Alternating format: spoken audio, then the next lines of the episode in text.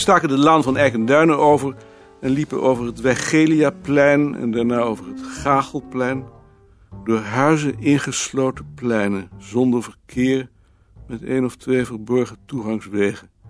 Het was er verlaten, een vreemde, onwereldse stilte, zoals die er alleen in Den Haag kon hangen.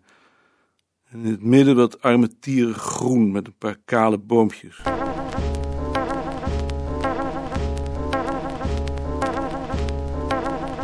Hij wilde terug naar de Copernicusstraat.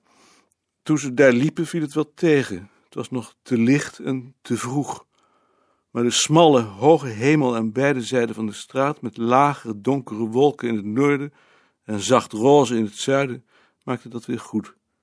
Hij vroeg zich af waarom de hemel boven deze oude Haagse straten zo hoog en zo ver was.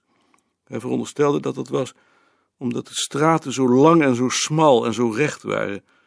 Maar geen straat leek zo smal als de Nicolaas Tulpstraat, die naar boven toe door grote witte erkers nog smaller werd gemaakt. Een smalle, besloten koker voor nette, kleine burgers, die hier leefden in het goed vertrouwen dat ze door de dood vergeten zouden worden.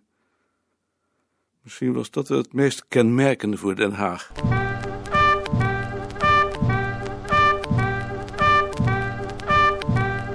Dat gevoel had hij nog sterker in de Galileestraat. Het was daar schemerig geworden. De huizen aan de rechterzijde hadden grote erkers met een klein tuintje. Aan de linkerkant was daar geen plaats meer voor geweest. De schemerlampen waren ontstoken. In de hoek van een kamer stond een kerstboom met brandende lampjes tussen ballen en engelenhei. De kamer was verlaten. In een andere kamer lag een oude vrouw op de bank. In de straat was het doodstil, alsof de straat zelf ook een kamer was.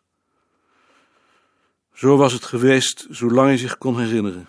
En zo zou het blijven. Met dezelfde mensen tot in alle eeuwigheid.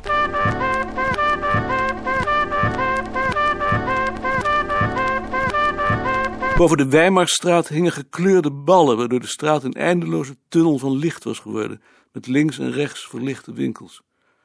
In de winkels was het stil. Door de straat reed een enkele fietser, waardoor die wat te breed leek. Uit de openstaande deur van een van de vele Surinaamse winkels kwam de zoete geur van tropisch fruit.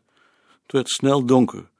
Ze staken het Frederik Hendrikplein over, liepen door de bocht van de Goede Grootstraat, waar banken en hekken waren geplaatst, en keken in een verlaten kamer waar schemerlampen brandden en de tafel was gedekt. De Bazaarstraat en de veel armoediger Bazaarlaan. Een man was in de keuken bezig naast een verlichte kamer met boekenkasten tegen de achterwand.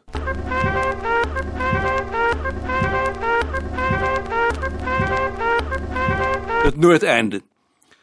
Het donkere voorhout met tussen de bomen oranje lampen, aan het eind uitwaaierend tot een brede donkere ruimte. In de posthoorn speelde een pianist ouderwetse melodieën. Ze zaten tegen de zijmuur, aan een tafel dicht bij het raam. Alle tafels waren bezet.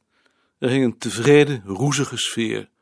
Niet zo aardige, maar onverdacht Haagse mensen. Ze dronken een borrel, praten erover waar ze zouden gaan eten en bestelden toen nog een borrel. Om de tijd nog wat te rekken.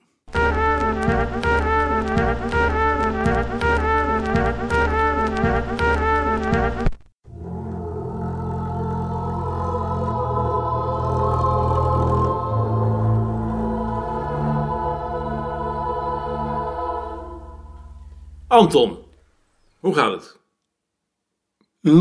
Mooi. Ehm.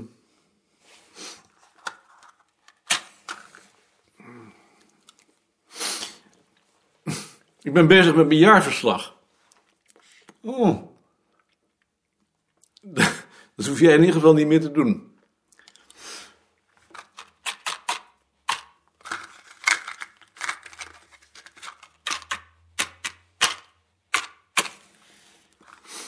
Weet je al dat Wim Bosman is overgeplaatst naar het departement? nee. Naar de afdeling die toezicht heeft op het hoofdbureau. Oh? Ik denk dat hij in een isolement was geraakt. Hij heeft een morgen. Maar nu heeft hij de gelegenheid om zijn gram te halen.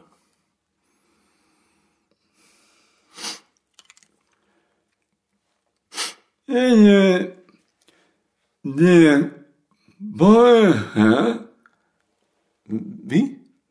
zeer borgen. Dat zul je voor me moeten opschrijven. Ken je Dirk Bar oh, Bar- Dirk Barger? Is dat die hoogleraar? Ja, Ik weet wie het is, maar hij is van na mijn tijd. Daar ben je zeer bevriend mee geworden. Hm. Zeer bevriend. Hm. Hij komt vandaag ook, bedoel je? Nee, Hij is al geweest. ja. Nee, ik ken hem niet. De de volgende keer moet je mij maar opbellen als je komt. De volgende keer moet ik je maar opbellen als ik kom. Mm. Goed, ik zal het doen.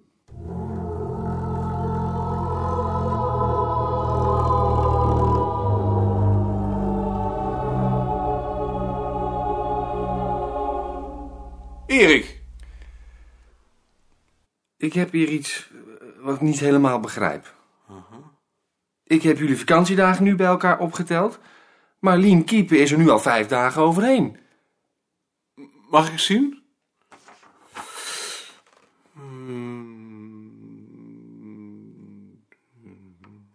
Keeper 27 dagen. Hm. Mag ik het even houden, dan zal ik het uitzoeken. Lien, jij hebt Erik Zandgrond geweldig aan het schrikken gebracht. Waarom? Je hebt 27 vakantiedagen opgenomen, terwijl je er maar 22 hebt. Maar, maar dat heb ik toch uitgelegd? Lien denkt dat je alles kunt uitleggen. Wat heb je hem dan uitgelegd? Hoe dat gekomen is. En ik heb hem ook gezegd dat ik het in de weekends wel zal inhalen. Daar begrijpt hij natuurlijk niks van. Waarom zou hij dat niet begrijpen? Omdat je het in de weekends niet kunt inhalen. Ik kan het best in de weekends inhalen. Nee, want werk buiten kantooruren is overwerk. En overwerk mag alleen gedaan worden onder toezicht van het hoofd van de afdeling. Maar zo zijn we hier toch niet? Erik is een ambtenaar. Ambtelijk gezien kan het echt niet. Als je Erik zoiets vraagt, dan breng je hem in gewetensnood. Hij kan jou zoiets onmogelijk toestaan, dan krijgt hij gedonder. In ieder geval kan hij dan gedonder krijgen. Nou, dat vind ik dan erg kinderachtig. Dat kan je nou wel kinderachtig vinden. Dat breng je er toch niet aan haar verstand hoor. Wat moet ik nu dan doen? Ik, ik wil wel naar Balk gaan. Je moet een volgende keer zoiets tegen mij zeggen en niet tegen Erik.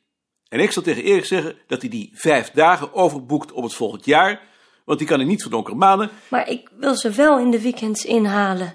En dan haal je het volgend jaar in de weekends in, maar dat zeg je dan alleen tegen mij. Ik kan het heus niet helpen. Tuiten je oren niet? Waarom zou mijn oren tuiten? Ze zijn woedend dat je Hans dat papier op het kamertje hebt laten plakken. Wie zijn woedend? Nou, volksnamen natuurlijk. En volkstaal ook. En die hebben god beter zelf de beste kamers daarin gepikt. Ja, maar zij hebben geen papier opgeplakt. En jij hebt de naam.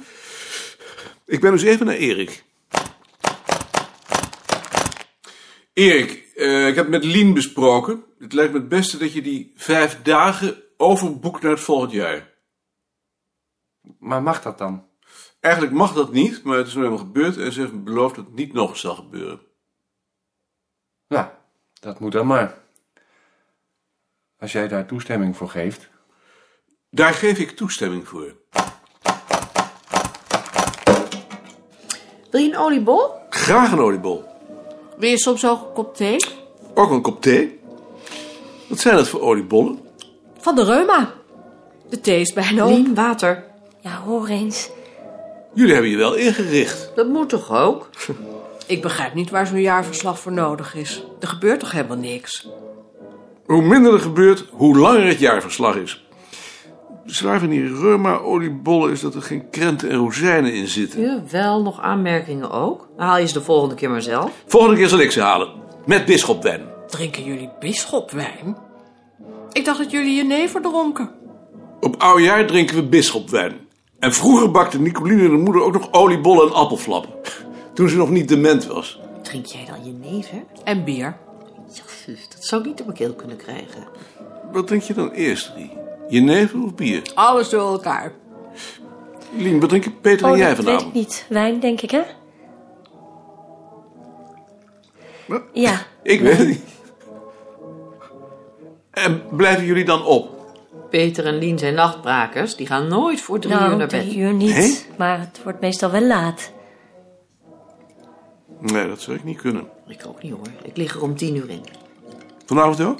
Ja, waarom niet? Ik hoef met niemand rekening te houden, gelukkig. Ik hoef ook met niemand rekening te houden, maar bij mij wordt het soms wel een uur of vier. Moet er niet aan denken. Wil je niet nog een oliebol? Ik wacht even. Ik dacht dat iedereen al weg was. Het hele gebouw is leeg. We zijn hier tot vier uur. Ook een oliebol? Ik wil wel een oliebol. En een kop thee? En ook wel een kop thee.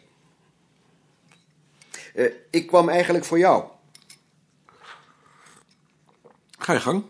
Ja, hoor eens. We gaan hier toch geen zaken doen, hè? Dan gaan jullie maar naar je eigen kamer. Even maar, Joop. Hm. Oh, dank je, dank je, Rie. Ja, hm. Ik had je eigenlijk willen vragen of je geen baantje voor Frits hebt. Wie is Frits ook weer? Hm, Die jongen die bij mij op de kamer zit. Maar die werkt toch voor jou? Jawel, maar die heeft nu zijn doctoraal gedaan en nu zoekt hij een echt baantje. Waarin? In de middeleeuwse geschiedenis. Middeleeuwse geschiedenis. Vind je dat zo gek? Als je nou loodgieter gezegd had. Door dat lange haar zeker. Jij moet er nou maar eens aan wennen dat ze er tegenwoordig anders uitzien dan jij vroeger, Maarten. Daar ben ik niet aan. Ik dacht dat jullie van die eh, spuuglokken hadden.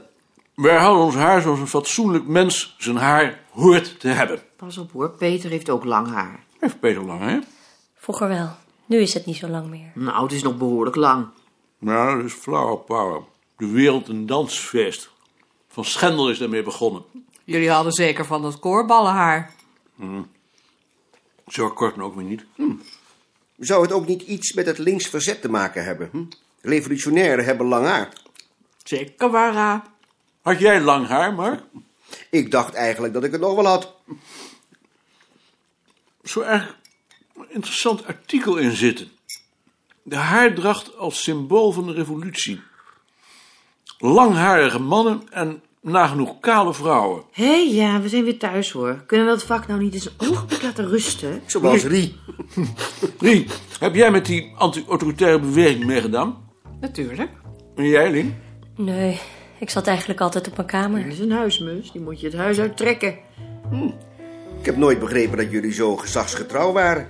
Jullie hadden toch de oorlog meegemaakt? Daarom misschien.